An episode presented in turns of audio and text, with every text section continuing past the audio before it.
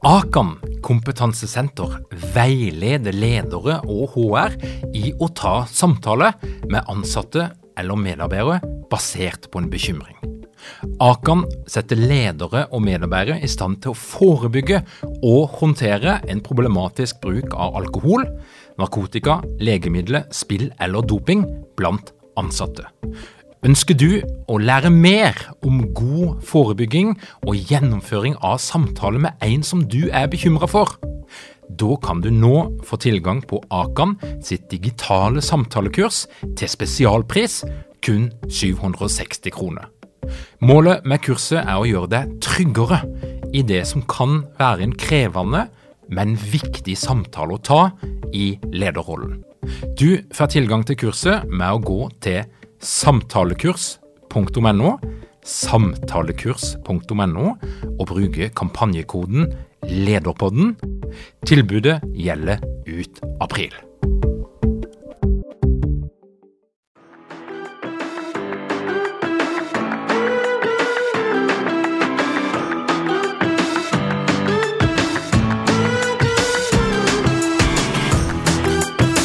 Velkommen til Lederpodden.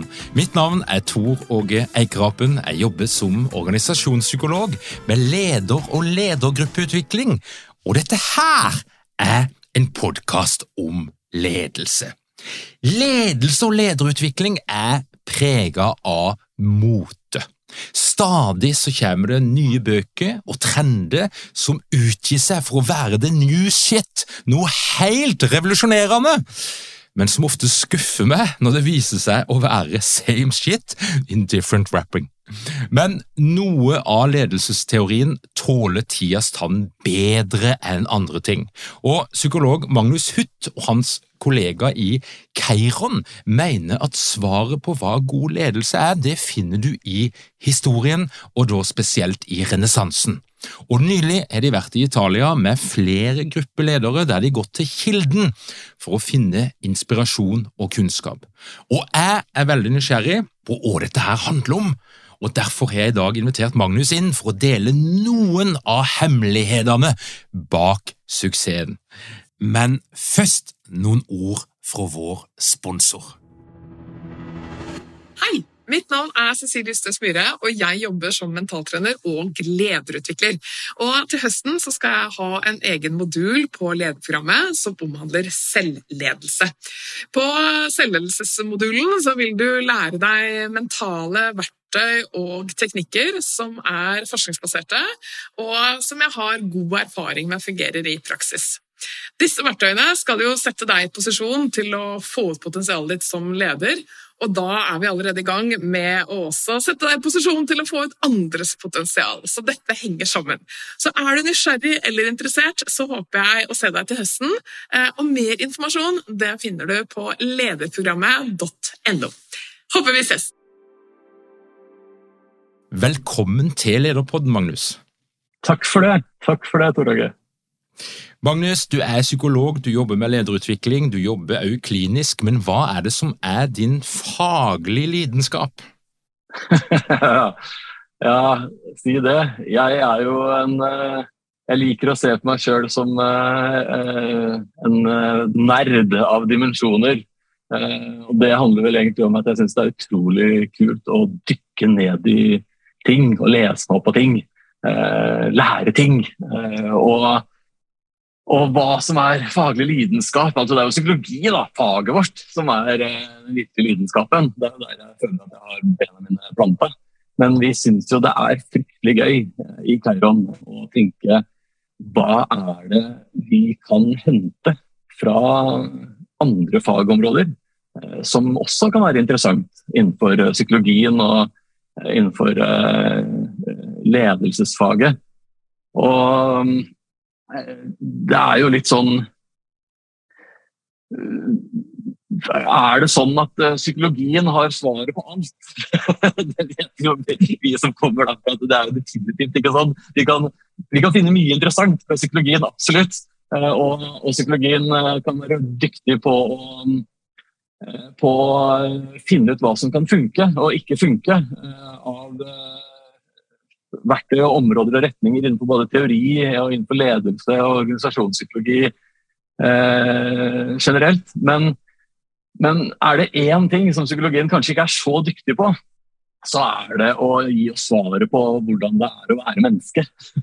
For da blir vi altfor opptatt av å dytte ting inn i kategorier og statistikk og former og bokser eh, til å virkelig kunne svare godt på det. Og, og da er jo humaniora eh, et fint sted å gå for å se eh, hva er det livet egentlig handler om. Og, og, også tenker vi det er et fint sted å gå for å se på hva er det ledelse kanskje handler om.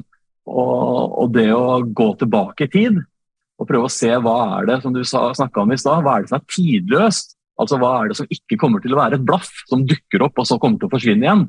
Eh, det syns vi er fantastisk spennende. Og, og da er det jo um, det å gå tilbake og titte tilbake i tidsepoker som har vært. Mennesker har jo tross alt leda hverandre i all tid. Det er ikke noe nytt. Uh, det har vi holdt på med siden tidenes morgen. Og, og er det sånn at de beste formene for ledelse finnes i dag? Det er vi litt uh, tvilende til. men, men, så er det jo viktig med all den forskningen som, uh, som dukker opp i dag. Eh, og Det vi syns er spesielt spennende, da, er jo når det da dukker opp noe som vi både kan se fra, eh, fra forskning i dag, at eh, kan funke og er nyttig, men også er noe vi kan se at har greid å få til ting tidligere. Kanskje til og med store ting tidligere. Da syns vi det er spesielt spennende. Og det er vel denne miksen her da, mellom psykologien og ledelse og historie og kunst, litteratur, hele pakka når vi binder det sammen. Og kanskje vi kan si noe om hvordan er det vi har leda hverandre, hvordan, kan vi lære av det i dag? Og, og, og, ikke minst, hvis vi gjør det litt bredere, hva er det vi kan lære om livet? Det er det som eh, trigger en ekstra lidenskap eh, hos meg. da. Magnus, det er jo sånn at denne Lederutviklingsbransjen i Norge den er relativt liten, men det finnes noen aktører som, som, er vidt forskjellige. altså Noen er veldig på idrettsgreia, eh, noen har en veldig sånn coaching-tilnærming. Eh, og så er det Keiron, som òg har en lang historikk og, og eh, knallpopulære programmer. Uansett om det er sammen med BI eller om det er utenfor. Hva, hva er det som gjør at dette her konseptet knytta til renessanse har holdt seg så godt og vært så populært, og er det fremdeles? Aner ikke. Men eh, vi har noen tanker og ideer da, hva, hva vi snakker med folk om. Uh, og én ting tror jeg rett og slett er så enkel som at uh, spesielt når man har vært leder en god stund, så har man vært med på lederutvikling i alle mulige slags former. Og, og, noen ganger kanskje også begynner å gå litt lei. Eh, så nå, ok, her kommer det enda et nytt sett med, med, ting vi skal lære oss og et program vi skal gjennom. Eh, og Det gjelder selvfølgelig ikke for alle, men for noen så tror jeg også det kan være en sånn vi, vi, Da kommer det noe helt annet. Altså det, er no, det, er noe, det er noe annerledes. Eh, og så er det jo en slags opplevelse. Altså det er jo en, en tanke om at en korrelasjonsmatrise sannsynligvis ikke blir huska så altfor lenge. Eh, hvis du er god formidler, så greier du å få gjennom hovedbudskapet på en sånn måte at det sitter. Men selve matrisa den, eh, den kommer til sannsynligvis til å bli glemt i løpet av relativt kort tid. Da setter jeg det på spissen, da. Men, men, mm. men eh, en historie, en god historie, og det å knytte det til sted og tid og rom, og gjøre det konkret på den måten, det pleier folk å huske. Og, og det, det, tror jeg har noe av, det, noe av grunnlaget her. Og så håper vi jo selvfølgelig også at at det som eh, treffer, er at vi utvider det litt. Da. Vi ser ikke bare på ledelse eller på psykologien eller på et bestemt verktøy eller en modell. Vi, vi prøver å angripe ledelsesfaget fra ulike eh, perspektiver og ulike vinkler. og vil aldri si at det her er det rette, det er den måten man bør tenke på. Men, eh, men det her er én måte å tenke på det her er ett perspektiv på det, og neste morgen så kanskje det er et annet perspektiv vi, vi går inn og ser på. Og, og, at vi da prøver å skape en, en, helhet i det. Og gjennom det, eh, også som jeg var inne på i stad, vi, vi, vi, omvandler også spørsmål knytta til eh, altså, hvem er du som menneske, da? Hvordan er det det setter føringer for hvordan du skal lede? For det er jo ikke sånn at man kommer på jobb og plutselig er en helt annen person enn den man var før man dro på jobb. Og, og det også tror vi kanskje gjør at vi, vi, vi, vi treffer på et plan. Uh, tror vi og håper vi, der folk føler at, vi, uh, at, at det er matnyttig for, for, både det å være menneske og det å være leder. og så forankrer vi det selvsagt i, i aktuelle problemstillinger. Altså Vi jobber jo alltid med hvordan kan du gjøre ting på jobb på en annen måte som leder. Eh, og Der håper vi at vi har en miks som gjør at folk eh, syns det er spennende. Ja, og der er du inne på det. For vi tenker jo at um, det ultimate målet for enhver lederutvikling, det handler jo om at når noen endrer atferd, Altså at de gjør ting på en litt annen måte enn det de gjør før. Og Jeg har jo møtt mange av de deltakerne som har vært hos Stykken, og de er jo, de er jo frelst. Altså, De er jo euforiske. og, og, jeg, og, jeg, blir litt sånn, Det jeg blir nysgjerrig på, det er, det er jo hva, hva, hva, slags type endringer er det Dykken ofte ser hos noen av de lederne som har vært igjennom et av deres programmer? Det kommer helt an på hva vi fokuserer på. Eh, jeg har lyst til å starte sånn med en overordna refleksjon først. Og, og, eller først og fremst, Det er jo veldig hyggelig å høre at, eh, at du har snakka med mennesker som liker programmene og, og, og syns det er eh, bra. Det, det syns vi selvfølgelig er kjempekult. Og jeg, jeg, jeg tror at um, vi, vi prøver å ha et fokus på en kollega av meg, Jon Steiniger, han uh, sier det på den måten her, og jeg syns det er ganske kult sagt. at Vi, vi må alltid prøve å, å se på hver, hver, forelesning vi skal holde, eller hver, hver gruppeøvelse vi skal holde, holde uh, eller kjøre deltakerne gjennom, som en slags intervensjon. Altså Noen ganger kanskje til og med nesten en terapeutisk intervensjon, nesten, hvor, vi skal, hvor vi, hver forelesning må endre på noe i eh, deltakeren. Det må være noe der som gjør at det er liksom et lite knepp som, som, endrer på måten man, man, ser ting på, eller perspektivet man har på ting. Eller, eller, noe som er noe mer enn bare kunnskapsformidling. Altså det å, å, å få kunnskap om noe, lære noe. Eh, vi må prøve å endre noe.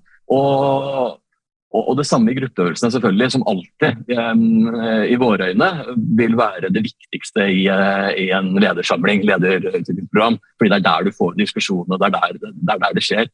Og Da gjelder det å prøve å tenke hva, hva er det vi ønsker å endre nå? Uh, hva, er det vi ønsker at deltakerne deltakeren skal gå ut av den gruppeøvelsen her og, og, og, gjøre annerledes etterpå? Og så designe det på, på bakgrunn av det. Men, men det, det er et vanskelig spørsmål å svare på, fordi det kan være så mangt. Ehm, noen ganger så vil det være så enkelt som å jobbe med Altså Når du er ferdig med den dagen her, eller den gruppeøvelsen her, da skal du ha en klarere tanke om hva er det jeg skal få til og utrette med mitt lederskap. Hva, hva, det, hva skal være mitt bidrag? Ehm, hva er det jeg kan gjøre innenfor de rammene i organisasjonen som finnes, og innenfor den retningen organisasjonen skal?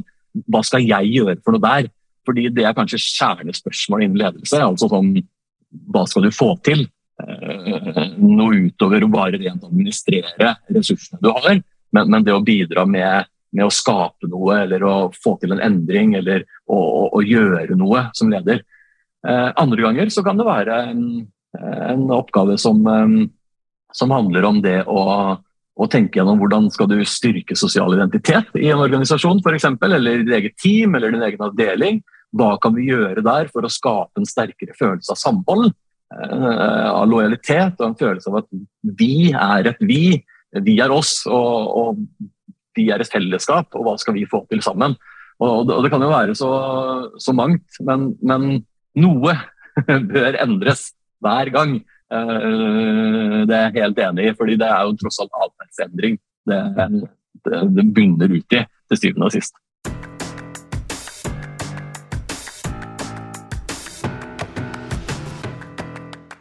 Du, hva, hva, er det mest spennende som, som, skjedde når du var nå 17 dager i Italia sist? Hva, hva, hva er, liksom, er highlightsene? Kan du dele noe av det kuleste som, som skjedde der?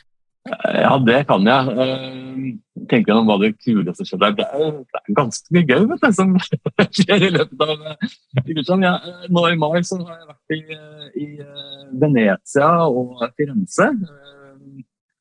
Eh, og kjørt eh, noen kurs hver der. Og, jeg tror kanskje at highlightet er fra mai nå var å sitte på hjemmegården til Machiavelli på utsiden av Firenze, i Chianti Classico-området.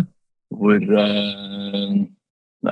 er jo typisk toskansk landskap da, med vindruer og oliventrær. og. Å sitte der med med noe godt i glasset, og hvor uh, deltakerne bl.a. Uh, flere ting, altså, men, men, hadde fokus på eh, occasione, altså Machiavelli sitt syn på anledningen, muligheten. Eh, altså Er det sånn at vi mennesker er i stand til å, å catche og se når muligheten dukker opp, eller er det sånn at den ofte har en tendens til å fly forbi? Og, og der tar Machiavelli til og med å han, han skriver et uh, dikt uh, som han uh, har egentlig fra antikken, antikkens Hellas, hvor, hvor det er et dikt som omhandler occasione, som han kaller det, da, eller anledningen. Hvor han da skriver at uh, occasione det er en kvinne. Og, og, hun kommer så raskt. Hun har ene benet sitt stående på et hjul. Og I tillegg til det så har hun fjær på, på bakbeina, så hun beveger seg lynraskt. Så det er utrolig vanskelig å, å, få med seg at hun kommer i det hele tatt, og plutselig smetter hun forbi. Og I tillegg til det så, så har hun også håret dratt ned foran ansiktet og, og brystet, eh, sånn at det skal være veldig vanskelig å kjenne henne igjen. Så idet muligheten eller okkasjonene kommer, og man plutselig innser at ah, det er hun, nå er hun på vei forbi, og man snur seg rundt for å prøve å dra tak i og få, få holdt henne fast, så har hun også barbert bort alt håret på bakhodet. Eh, sånn at når man prøver febrilsk å ta tak, så, så, er, så, glipper man. Det er ikke mulig. Eh, og så, så er hun borte. Og, som også sier da i, i diktet at eh, venninnen min, som er med meg, eh, det er anger. Og hvis du ikke vet å gripe tak i meg, Eh, så er det henne du sitter igjen med. Eh, og mens du nå står her da, med hodet fullt av tomme tanker eh, og, og snakker i vei, så verken ser du eller forstår du at i mellomtiden så har jeg flyktet fra ditt grep. en fantastisk kul måte å, å, se på det på, og, og, og hvor det også er en, en, en nyttig diskusjon knytta til det. Da, hvor, hvor det er, men hva er det som gjør at vi har problemer med det? Er det sånn at vi er dynka ned i så mye operative ting at vi har endeløse lister med ting vi skal få til, og vi har ikke mulighet til å heve blikk og, og se litt strategisk på ting som dukker opp her? Eller er det det at vi gjemmer oss litt unna? Eh, jeg syns det er vanskelig å, å, skulle se opp, for det er jo risiko og litt uh, vanskelig å, å uh, føles risikofylt, og kanskje litt farlig nesten, å skulle gripe en anledning, kanskje forlate det trygge og gode du har. Eller, hva er det som gjør det her? Eh, og det her er en bitte, bitte liten del av et, av et, stort program som egentlig handler om det å skape og få til noe. Men, uh, men det tror jeg kanskje er mitt sånn favorittøyeblikk i løpet av mai måned. Uh, hvor vi satt der med noe, noe godt i glasset og, og diskuterte da bl.a. denne occasione og hvorfor hun er så vanskelig å, å, å få tak i. Uh, ja. Og Machiavelli er vel en, en, person som mange kanskje har et litt sånn ambivalent uh, forhold til. Uh, men, men, fortell, hvordan, hvordan bruker dere han for eksempel inn i programmene? Ja, det, mange har ambivalent forhold til Machiavelli. Og han, for å starte derfor, han er jo litt drøy. men, men hans anliggende er jo måten vi ser på han i dag, mange ser på han i dag, er jo at uh, man, man, tenker at han, uh, han mente at målet helliger middelet uansett. Uh, kjør på så lenge det du skal få til er bra. Så, så, gjør det, og gjør det kraftfullt med makt og liksom, sånn, vær slu og sleip. og det er sånn, man, man, dytter masse assosiasjoner inn i, i Machiavelli uten at det egentlig stemmer. fordi det, hans hovedanliggende, det var at La oss nå se da, på verden sånn som verden egentlig er. Altså sånn Måten man ser på ledelse på, for også i dag. Man skal se på optimale former for ledelse i en optimal verden. Hvordan skal vi gjøre det da? Hvilke tråder skal vi trekke? Hvordan skal vi bruke verktøyene våre? Ja, og, og, og, litt det samme var jo måten man så på det på den tiden. Altså, hvordan, hvordan skal vi i en ideell verden gjøre det her på best mulig måte? Og så kommer Machiavelli, og, og det er jo en, en, en, bakgrunnshistorie her også, hvor han da har jobba i, eh, i, Firenze som byråkrat og som, eh, egentlig som, som uh, diplomat en periode. og hvor han, han, han, reiser mye rundt, han møter på masse viktige, mektige folk, og han, han, skjønner det politiske spillet og mye av det som, som foregår. og på et tidspunkt så, så, er det noen som planlegger et kupp i byen. og gjør historien veldig kort for å bare lage litt kontekst. Men så er det noen som planlegger et kupp, et, kupp, et statskupp i byen. og Det var litt sånn som det var. for En bystat. Italia var ikke som det er i dag, med masse små bystater istedenfor å være ett land. Og så var det politiske fraksjoner i Firenze som, som kriga mot hverandre. igjen. Så tar den ene over, så sender den andre ut, så tar den andre over, så sender den ut, og så fortsetter den sånn. Og på et tidspunkt så planlegger noen et statskupp. Og eh, da greier de å legge fra seg en liste med navnene på folk som de kunne tenke seg kunne være med på, på dette kuppet. Eh, og man tror i dag at Machiavelli sannsynligvis ikke var med på kuppet, men han havner allikevel på den lista. Og når politiet finner denne lista, så blir uh, Machiavelli fengsla. Uh, og han blir satt inn i, i en fengselscelle lenge. Blir torturert. Men torturerer med noe som man kalte for strapado, helt sinnssyke greier. hvor, hvor, man tar hendene bak på kroppen sånn, binder dem fast, og så tar man og fester et tau opp i en bjelke i taket og ned igjen. Og så drar man folk opp. Har dere mange ledere uten trening eller utdannelse innen ledelse? Mangler dere en felles kultur og praksis for ledelse? Ønsker dere å være bedre rustet for fremtidig vekst og endring? Da kan et internt lederutviklingsprogram være en god investering. I Execu så er vi eksperter på å designe og gjennomføre bedriftsinterne lederutviklingsprogram. Hvis du ønsker å lære mer om hvordan vi kan hjelpe dykken til å få enda bedre ledere, ta og klikk deg inn på execu.no.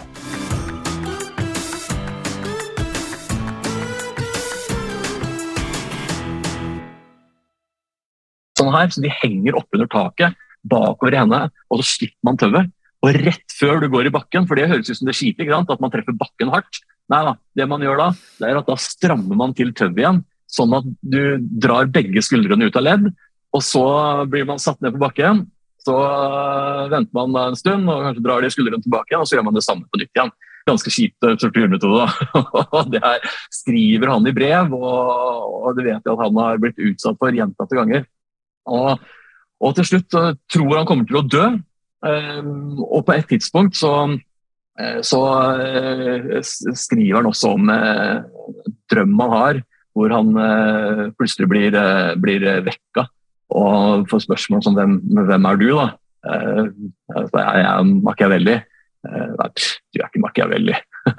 Nå setter jeg det litt på spissen her, men, men basically det var for å svare tilbake da, var at du, Machiavelli, Nicolò Machiavelli vil ikke ligge der og sutra på den måten her. Eh, altså, kom deg opp nå. Eh, kom deg opp og, og, og kjemp videre. Uh, og hvor han eh, egentlig har mista alt mot, tror at det her kommer til å gå rett ad undas. Uh, og blir uh, på et tidspunkt hvor han tror han kommer til å bli henta for å bli, bli henretta. Så blir han henta, blir sluppet fri. Man vet ikke helt hvorfor. Tror det er pga. Uh, Medici uh, som hadde kommet tilbake til byen. Uh, han blir iallfall sluppet unna, men blir, blir landsforvist. Uh, som må dra ut da, fra byen og flytter tilbake til hjemmegården sin. Mens han sitter der, så, så skriver han 'Fyrsten'. Uh, og, og, det er av mange ansett som nesten en slags sånn jobbsøknad. tilbake til Bericin igjen, som styrte. hvor han, eh, Det han gjør, er jo egentlig å skrive en bok som handler om ok, gitt Og da er vi tilbake til der vi starta i stad. Gitt at verden den er ikke ideell. Altså, Det er ikke noe problem for meg her i dag heller å argumentere for at det finnes en del mennesker som styrer der ute, som ikke bare har gode hensikter. Eh, og Det tror jeg alle kan være enige om. Eh, og, og Det gjelder også i organisasjoner. Altså de, vi, de fleste er bra folk, og så finnes det også noen som er skitfolk. Og så er det også sånn, er det ikke det? At vi mennesker vi er jo ikke bare gode eller bare onde. Vi er mest gode, og så har vi jo ting inni oss. Altså Vi, vi har misunnelse, vi, vi, har ting som driver oss, og vi har maktbegjær, eller ambisione, som Machiavelli kalte det. Begjær etter å drive oss framover. Kjemper vi ikke av nødvendighet, så kjemper vi for ambisjoner. Vi vil opp og videre og fram. Og Det kan resultere i spisse albuer, det kan resultere i at vi gjør ting på måter som ikke er ideelt. Mm. Uh, og, og, når han skriver, så skriver han til og med om de større linjene, uh, altså statsoverhoder. Og, og der skjer det jo også en del drøyt. Og da er hans anliggende, gitt at verden ikke er ideell, gitt at verden fungerer på en ikke-ideell måte, hvordan skal du da lede? Hva må du da tenke på for å få til det du ønsker å få til? Uh, og, og, her så begynner han jo å komme inn på mye interessante tanker knytta til, til, ledelse. Men så drar han jo også såpass drøyt at folk får helt fnatt noen ganger av å lese det. Og, og, og når man leser Fyrstene, så er det jo sånn noen ganger innimellom så er det jo altså, ting som skal du først skal du først gå imot en fiende, så får du faen meg gjøre det så ordentlig liksom, at den ikke har sjanse til å komme, deg, komme etter, etter etterpå. Og, og, Det er jo et råd som sannsynligvis ikke er noe dumt eh, hvis du er i en konflikt eller maktkamp på jobb, men altså, hvis alle skal gå og tenke sånn, så blir det en jævla kjip verden. så, så, så, så, det blir jo dratt for langt. Men, men måten vi bruker det på da, det er jo at vi vi, eh, når vi snakker om Machiavelli, og nå føler jeg et behov for å spole tilbake til dagen før vi ofte snakker om Machiavelli, fordi eh, det kreves også for å forstå litt konteksten der. Men, men, da snakker vi om ok, du vet hva du skal utrette som leder. Du vet hvordan du skal få det til. Eh, litt om hva du skal gjøre. Men, men hvordan må du manøvrere da, rent organisasjonspolitisk fra et maktperspektiv? og fra et perspektiv hvor det kommer til å være folk som ikke er helt enige med deg i at det er det som er det lure. Det kommer kanskje til å sitte en i et annet selskap eller ekstern, eller på Stortinget, eller eventuelt internt i egen organisasjon, som tenker at vet du hva, det der syns ikke jeg er optimalt. Eh, kanskje det går imot mine mål. Eh, I hvert fall så det, finnes det noen ganger mennesker som, som vil sette en stopper. Eh, eller vil kunne hjelpe deg eh, hvis du trekker i riktige tråder. Og, og det her er det, sånn, det å jobbe da med ok, du vet hva du skal få til, hvordan manøvrere for å få det til. Eh, Det er bakteppet ofte da for, for diskusjonen om Machiavelli.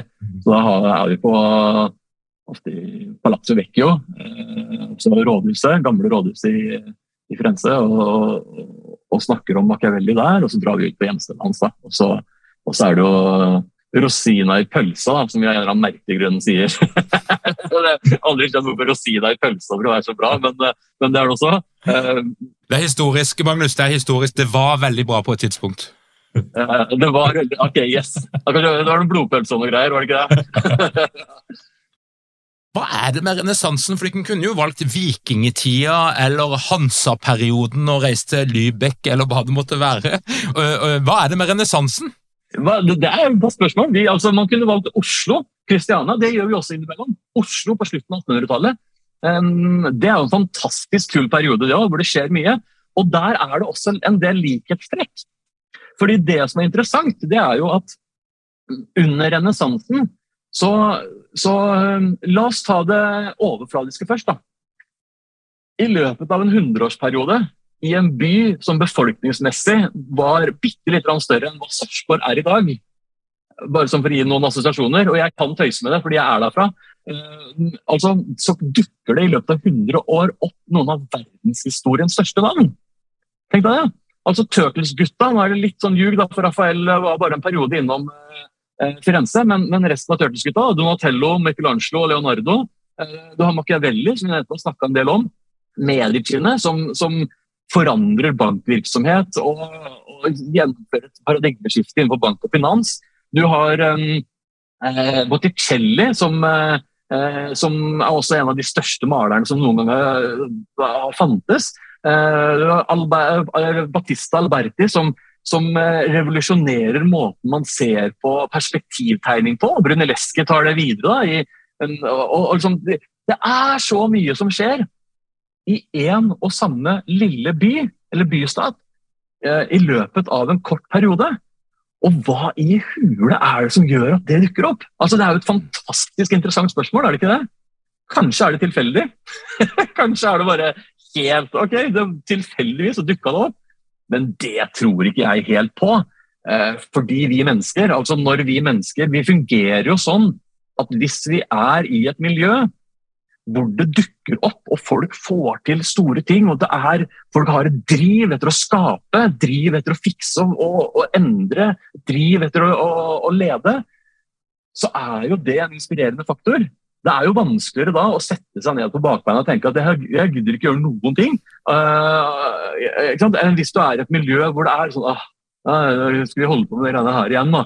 Uh, og, og, og, gitt at det er sånn, hvis det er sånn, da er det jo et fantastisk interessant spørsmål å se på hva skjedde under renessansen. Og er det da tilfeldig at uh, humanismen vokser jo fram samtidig? Og på den tiden så var ikke humanismen sånn som vi ser på den i dag, som er sånn at skal være gode mot hverandre og det, pakka det her. Den humanismen var jo på den tiden um, Før det gikk over til uh, å se på menneskets godhet, og, og så, så, var jo den tanken om at vi mennesker, vi er i stand til å få til veldig kule ting. Uh, altså, Gud har vært i sentrum nå i uh, 1500-1200 år. Ehm, hvordan skal vi nå eh, se på mennesket? Og, og, det vokste fram en tanke om at ok, Gud er fortsatt den store, altså, absolutt, han er den allmektige, men vi, altså det er vi som er her på jorda og har mulighet til å skape. Og, og, og det var en tanke om menneskelig skaperkraft som dukka opp eh, i en by hvor de eh, rett og slett så på mennesket som annerledes. Noe av det handler nok også om at uh, man uh, gjennom utgravinger og sånn, plutselig fant en del kunst, skulpturer og sånt fra, fra gammelt av. Man begynte å se tilbake i tid og tenke ok, har folk fått til det her for 1500 år siden? Altså, Da bør jo i hvert fall vi være i stand til å få til, uh, få til storverk nå. Man så, Pant så på Pantheon i Roma, så på kuppelen som hadde blitt laga der. Tenkte ok, se på det her, da. Uh, og vi har ikke laga en sånn kuppel i den vestlige verden siden den tid. Altså, Hage og Sofia ble bygd i mellomtiden, eh, som også er en vanvittig stor og, og fantastisk kuppel. Um, I, i Øst-Romerike, men, men, det er den liksom, eneste så store kuppelen som ble laga før kuppelen i Firenze, i domkirken i Firenze. Da ble laga under renessansen.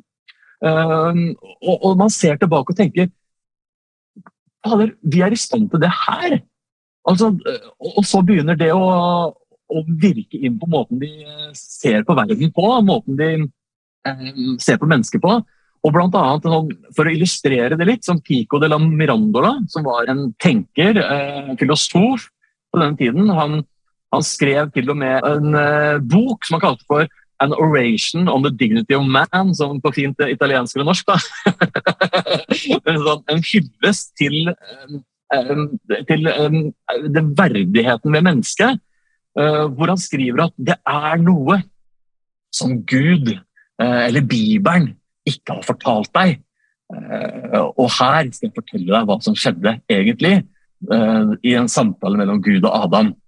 Og der sier Gud til Adam at du, Adam, du er den eneste skapningen som har blitt skapt, som faktisk er i stand til å selv velge hva du skal bli, hvem du skal bli, hva du skal stå for.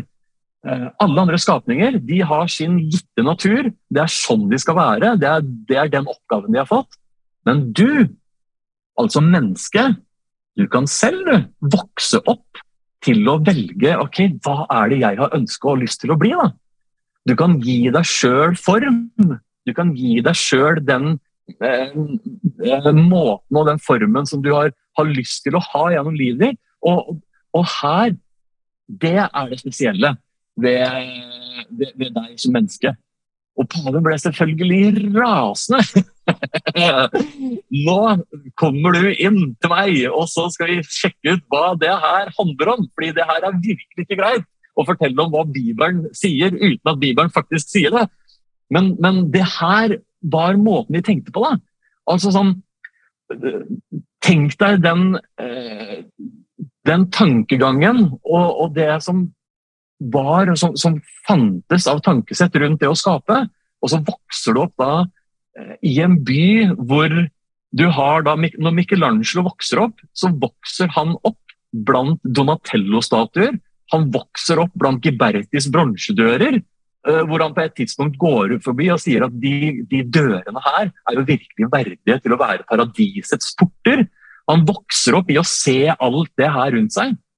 Altså, det å, selvfølgelig vil det ha noe å si for, for eh, en, en, tanke om hvilket potensial da, og hvilke muligheter man har.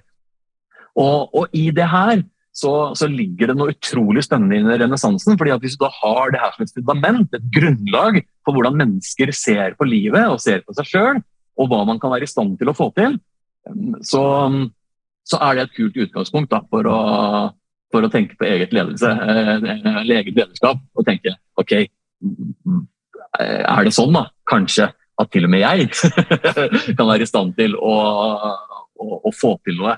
Og, og, og, der finner vi en del kule ting. Det er jo altså, Jeg skal snart gi meg på den ranten der òg, men eh, bare sånn, sånn, et par sånn tilleggsgreier. Eh, ta eh, hvor mange tråder som trykkes til byen da, i løpet av en kort tid. Eh, flyplassen i Firenze, Vespucci, eh, oppkalt etter en eh, navigatør som da 100 år etter, eller ja, jo ca. 100 år etter Columbus, sier at det han fant, det var ikke India, det var et helt nytt kontinent. Og fyren heter Amerigo Vespucci fra Firenze. Og det nye kontinentet blir oppkalt etter denne navigatøren og heter i dag Amerika. Eh, sjakk inntil renessansen. Eh, altså det her skjedde ikke i, i, i Firenze, sannsynligvis, men sånn under den tidsperioden her. Så når, når, når dronninga blir introdusert i sjakk i, på 1000-tallet, så kan dronninga bare gå ett felt om gangen, og bare diagonalt. Under renessansen fjerner de hindringene for henne, og hun blir den mektigste brikka på, på brettet og hun kan gå så langt hun vil i alle retninger. Det er ganske kult, som et symbol på hva mennesket er i stand til å gjøre og hva mennesket er i stand til å få til.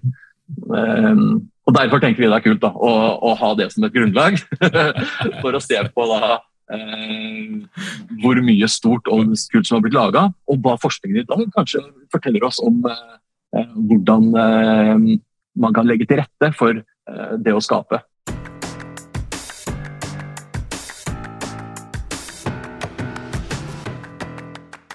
Magnus, eh, jeg blir jo helt, eh, helt solgt her. altså Renessansen er greia, det er, det er ingen tvil. og så blir jeg litt så nysgjerrig på den tida vi lever nå. Eh, ledere som opplever at ting går konkurs. Det er, det er inflasjon, det er energipriser, det er krig, det er massevis av, dritt som, eh, som, treffer mange ledere samtidig. Er det ett sted du vil anbefale ledere å gå for å hente inspirasjon for å lede i turbulente tider? Oh. Ja, vet du hva, det, da kommer det an på hva slags perspektiv man ønsker å sette på det. Da. Jeg vil jo tenke at um, det å lede i turbulente tider det vil jo på mange måter eh, Problemet med, med, å lede i turbulente tider det er at det er så jævlig vanskelig å vite hva er det som skjer et halvt år ned i gata. Hva er det som skjer om et år? Eh, og det som da, altså en, en strategi er jo aldri en, en, eh, en, sannhet. Det er jo alltid en tanke om hva er det vi tror kommer til å skje med omverdenen, og hvordan skal vi best mulig møte det mm. i egen organisasjon. Og når du da har turbulente tider, og du har krig som fører til råvaremangel, og du har ting som dukker opp, og du, du veit ikke hva som skjer nede i gata, eh, så vil jo det sette helt andre typer føringer for, for, hvordan man må tenke, eh, og hvordan man skal gjøre det.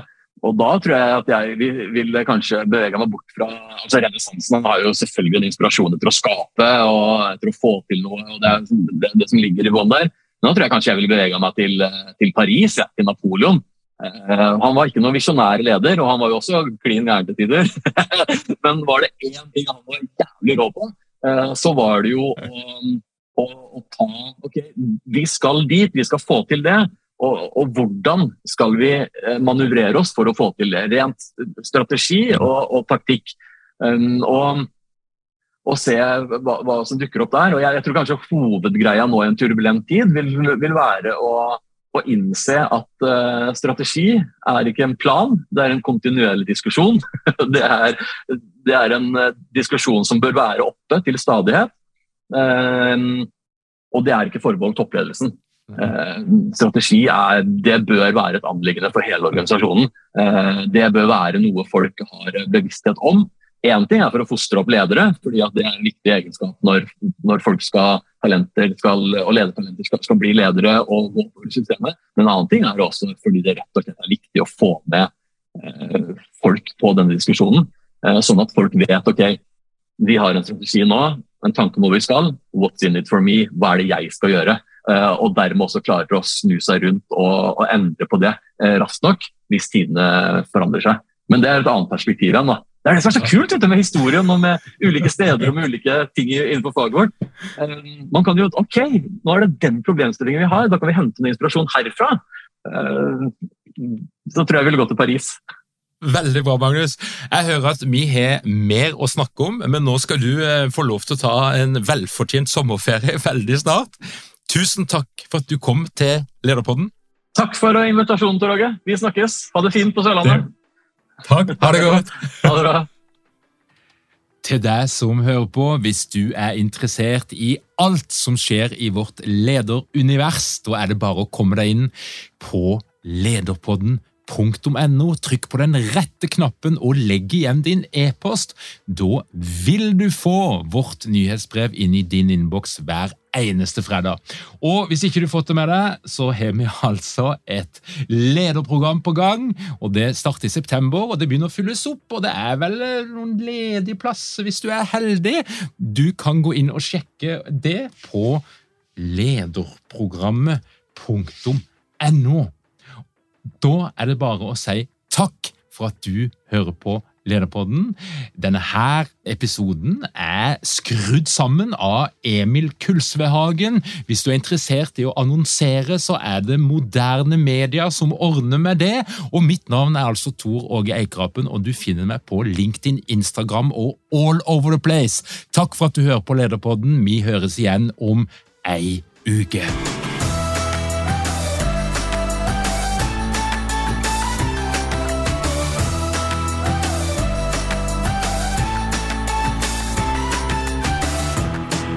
Lederpodden er gitt til deg av Execu.